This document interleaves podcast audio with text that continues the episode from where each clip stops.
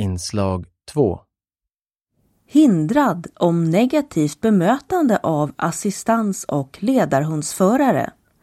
Ja, så heter en ny uppsats av journalisten och föreläsaren Finn Hellman, även själv ledarhundsförare.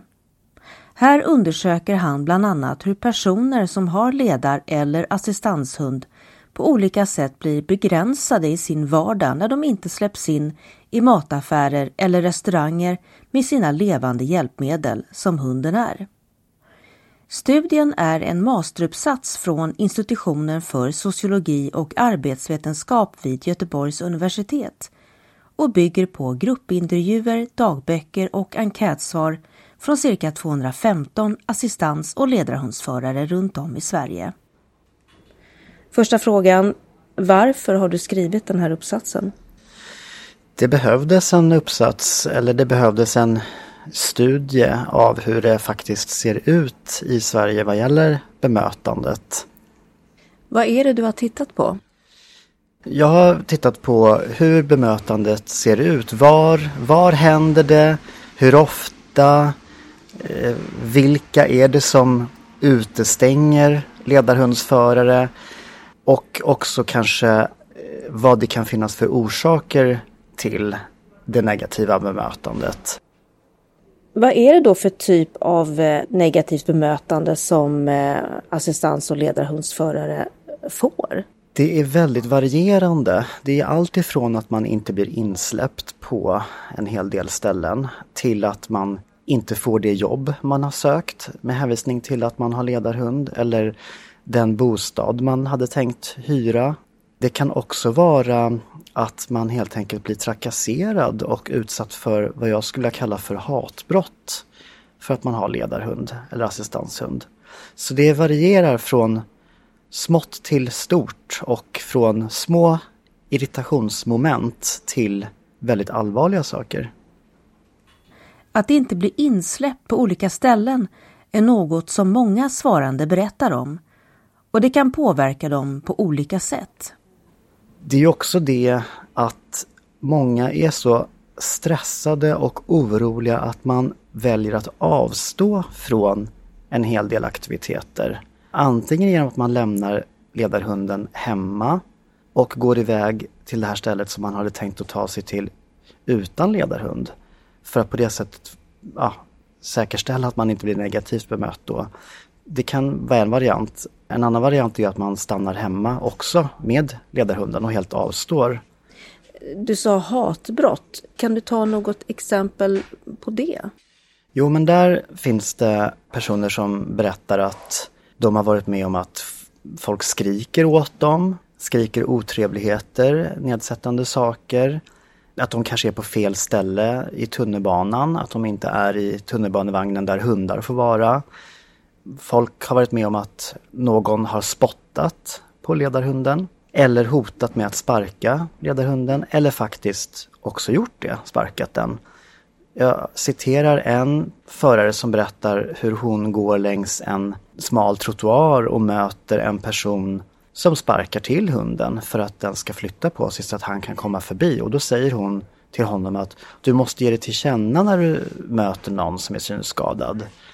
Det har jag gjort nu, säger han. Och det finns de som har fått smällare och sten kastade mot sig och ledarhunden. Det har skjutits raketer. Så det finns många hemska exempel. Men någonting som jag tror är en väldig fördel med den här studien det är att man har kunnat svara på svåra och känsliga frågor anonymt. Det var nog också lite överraskande för mig men jag tror att det här ämnet är så pass jobbigt och tungt för många att det är svårt att prata om helt enkelt. Vilka är det då som eh, beter sig så här åt hundekipaget då? Jag skulle säga att det kan nog vara vem som helst men samtidigt så är det klart att ledarhundsförare träffar ju på en viss, vissa yrkesgrupper kanske mer än andra. Dörrvakter och olika väktare utgör en särskild yrkeskategori som, som utmärker sig. Men det kan ju också vara butikspersonal. Det som är intressant framför allt tycker jag i det här sammanhanget det är att många förare lägger stor kraft och tid på att fundera på just sådana här saker. Varför hände det här? Varför upplever jag det här? Är det för att jag är kvinna som jag blir behandlad på det här sättet? Har det att göra med att jag också har en annan etnisk bakgrund? Var det en person som funderade på. Man försöker liksom söka förklaringar till att man får det här väldigt negativa bemötandet. Och jag tror att det kan vara ett sätt att helt enkelt hantera en jobbig situation. Man vill få svar, man vill förstå och det är ett sätt att bearbeta det man har varit med om.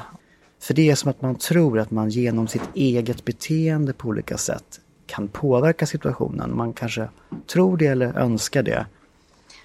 Hur stort är det här problemet? Jag skulle säga att undersökningen visar att det är väldigt omfattande.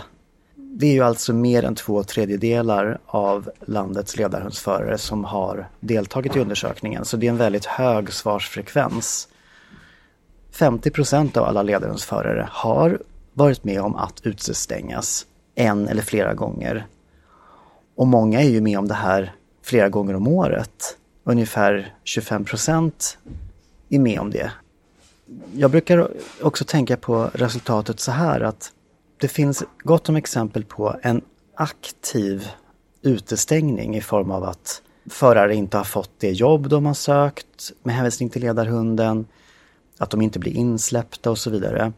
Men det finns ju också den här, de osynliga konsekvenserna som att folk stannar hemma med sin ledarhund eller lämnar hunden hemma och det är ju också en väldig inskränkning i livet. Men där kan man ju inte anmäla till Diskrimineringsombudsmannen. Det går ju inte att skicka en anmälan till DO och säga Hej DO, jag vill anmäla att jag inte vågade gå till teatern ikväll med min ledarhund och stannade hemma. Men det är ju inte ett mindre problem för det. Så det är jag också väldigt glad för, om man kan säga så, att jag har kunnat visa hur det också inskränker livet på det sättet det här ständiga stressen och oron. Någon säger att det, det, är som att ha hjärtat i halsgropen hela tiden. Att man, man försöker planera, man försöker förutse, man försöker liksom anpassa sig och vara smidig.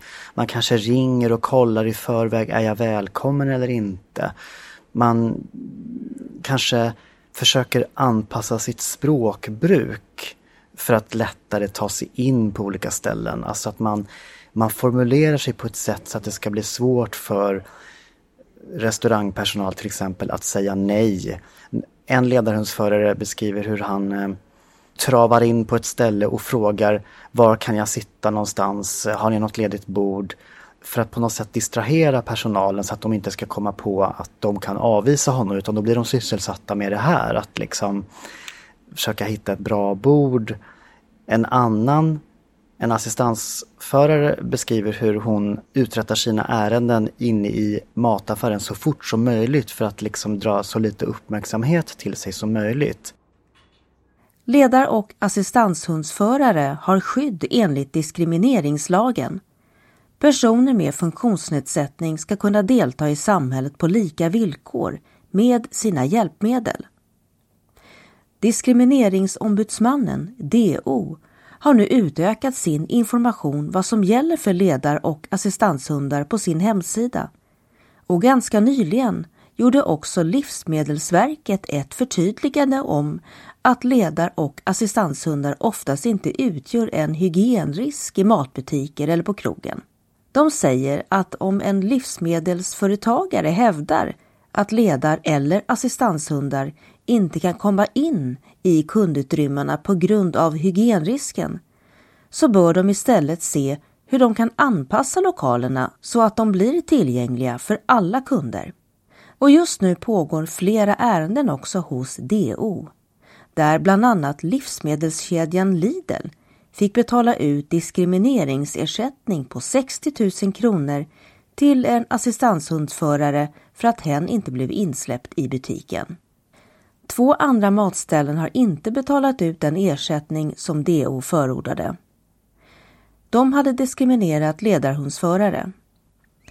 I dessa fall kan DO lämna in stämningsansökan till tingsrätten. I Finn Hellmans studie säger de svarande att den vanligaste orsaken till att inte bli insläppt med hund är allergiskäl. Du kan inte komma in här för det kan komma en allergiker i en vanlig replik.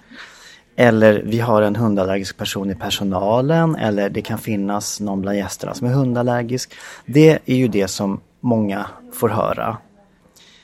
Och därefter kanske det kommer hundrädsla är också någonting som man ofta skyller på. Det kan också vara att man inte känner till vad en ledarhund är. Här tycker jag poängen är att det är ju en sak vad folk säger och en annan sak vad folk tänker. Och det här med hundallergi det är ju väldigt tacksamt att säga för att det har ju en väldig respekt i Sverige. Det man måste fundera på, och det här är ju ingenting jag kan bevisa eller så utan det blir ju mer min teoretiska eh, utgångspunkt. Det är ju att något mer övergripande, att det har att göra med hur vårt samhälle ser på djur och djurs plats i samhället. Om man tänker lite så är det ju rätt slående att i en situation på en viss plats så kan ett djur vara helt normalt eller naturligt eller hur man vill se på det. Och i en annan situation, på en annan plats, så är det, ja det är nästan så att man får det att låta som att man har gjort något makabert eller eh, jag tror många har varit med om just det här att en hund här, på det här stället, men det går ju inte. Alltså att det väcker jättestarka känslor. Man kan ju inte avvisa någon, ja, väldigt sällan sker ju det att man säger du kommer inte in här för du är blind. Jag har ju själv visserligen varit med om det på den tiden jag inte hade ledarhund, men det är ju väldigt ovanligt. Men finns det då en hund att skylla på så blir det mycket enklare. Då kan man ju skylla på den. Du kommer inte in här med din hund. Eh, och egentligen kanske handlar det om att man inte så gärna vill ha en blind eller funktionshindrad gäst som kanske kräver lite extra service eller som man kanske tror ska skapa problem för andra gäster eller så. Var det något som du blev förvånad eller ja, överraskad av i din undersökning? Det var nog två saker som förvånade mig. Den ena allvarligare och den andra mera intressant kanske. Det som var intressant var att många ledarhundsförare kommenterade det här med att samhället till viss del nu, senaste decennierna kanske, på vissa sätt har blivit mera hundvänligt. Det finns kaféer, särskilda kaféer för, för just besökare med hund. Det är inte heller ovanligt att kaféer tar emot personer med sällskapshund på ett annat sätt än förut. Och då skulle man kunna tro att det var bra för ledarhundsförare. Men då menar ledarhundsförarna som jag har intervjuat att det skapar en otydlighet. Det fanns en oro och en erfarenhet från de här ledarhundsförarna om att det kunde faktiskt på vissa sätt förstärka ledarhundsförares problem. För då kan man få höra att ja, men du får inte komma in här men gå till grannkaféet, där får alla hundar komma in. Att man på något sätt suddar ut det här särskilda undantaget som finns för ledarhundsförare. Man blir mer av en... Ledarhunden blir mer som de andra sällskapshundarna. Du sa också att det var något som var intressant som eh, du upptäckte. Ja, eller det allvarligaste som jag ändå blev förvånad över det var ju det här med vad jag skulle kalla för hatbrott. Alltså att 24 procent av alla ledarhundsförare och förmodligen är det ju fler eftersom vi inte riktigt känner till då den här mörkertalet som är på en knapp tredjedel. Men minst 24 procent har varit utsatta för vad jag skulle kalla för hatbrott. Alltså utsatta för hat, hot eller våld. Det förvånade mig. Vad tror du, eh, även om du inte har undersökt det, vad tror du att det kan bero på? Att det går till sådana ytterligheter? Jag tror att det är en kombination av att man har en funktionsnedsättning och en tråkig syn på hundar. Man skulle kunna fundera på vad det innebär att till exempel personer med ledarhund har ju svårt att, att eh, ge ett signalement på den som har utsatt dem eller hunden för obehag. Det är knappast 24 procent av seende hundägare som är med om sådana här saker. som att någon spottar på hunden eller kastar sten mot dem eller så. Men det hade varit intressant att kunna jämföra med hur det är för synskadade utan ledarhund. Och där saknar ju Sverige forskning. Det finns ju ingen forskning på hur det är vad gäller hatbrott mot personer med funktionsnedsättning i Sverige. Och det hänger ju ihop med att funktionsnedsättning ingår inte i hatbrottsdefinitionen. Och det är också ett jätteproblem. Så ser det ju inte heller ut i många andra länder. Finn Hellman har också en annan synvinkel på frågan om negativt bemötande av ledar och assistanshundsförare som handlar om lagstiftningen i Sverige. Sverige ligger så efter vad gäller en hel del som har med funktionshinder att göra. Tvärt vad många skulle tro. Hur då menar du? Jo men att i Norge till exempel eller många andra länder så, så är ju det här med hatbrott, det är ju fullkomligt självklart att funktionsnedsättning ingår i hatbrottsdefinitionen.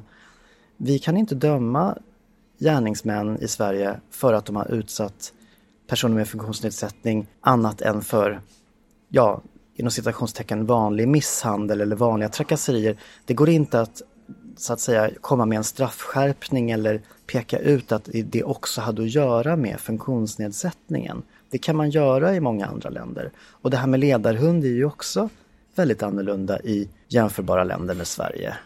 Så vi, Hur då? I, det finns mycket bättre lagstiftning i många andra länder. Eh, jag har själv eh, varit i både Norge och Storbritannien och, och, USA och det är ju en helt annan sak att ha ledarhundar. Man kan ju gå runt en hel dag överallt utan att någon kommenterar eller stoppar den eller börjar ifrågasätta. Vad hoppas du att eh, din uppsats ska leda till? Jag hoppas ju att det här kanske tar bort lite av den skam och skuld som jag vet att många ledarhundsförare känner. Nu är det så uppenbart, det är så tydligt, de här siffrorna talar sitt tydliga språk att det här är väldigt vanligt att man råkar ut för. Det är ingenting som har med dig att göra som ledarhundsförare utan det har ju med samhället att göra. Jag hoppas att det ska leda till att den här nya huvudmannen för ledarhundsverksamheten tar diskriminering på allvar och att det ingår i utbildningen av ledarhundsförare att lära sig att hantera diskriminering. Och jag hoppas också att Diskrimineringsombudsmannen och politiker, beslutsfattare av olika slag förstår hur allvarlig situationen är. Det handlar inte bara om att någon ledarhundsförare har blivit lite tråkigt bemött någon gång någonstans utan det är genomgripande på alla samhällsområden. Allt från barnomsorg till arbetsmarknad, bostadsmarknad till gatan. Och att man helt enkelt förstår att här har Sverige mycket att göra för att komma ikapp. Att vi ligger efter i utveckling. Det hoppas jag att uppsatsen ska leda till. Finn Hellman, som skrivit masteruppsatsen Hindrad om negativt bemötande av assistans och ledarhundsförare från institutionen för sociologi och arbetsvetenskap vid Göteborgs universitet. Vill du läsa den så kan du googla på titeln. Den finns också på Göteborgs universitets bibliotek på nätet. Och uppsatsen går snart att beställa på punkt från Legimus. Den är under produktion. I denna veckas nummer av tidningen finns också en annons där det ges tillfälle att delta i en digital föreläsning om uppsatsen, då även Finn Hellman är med.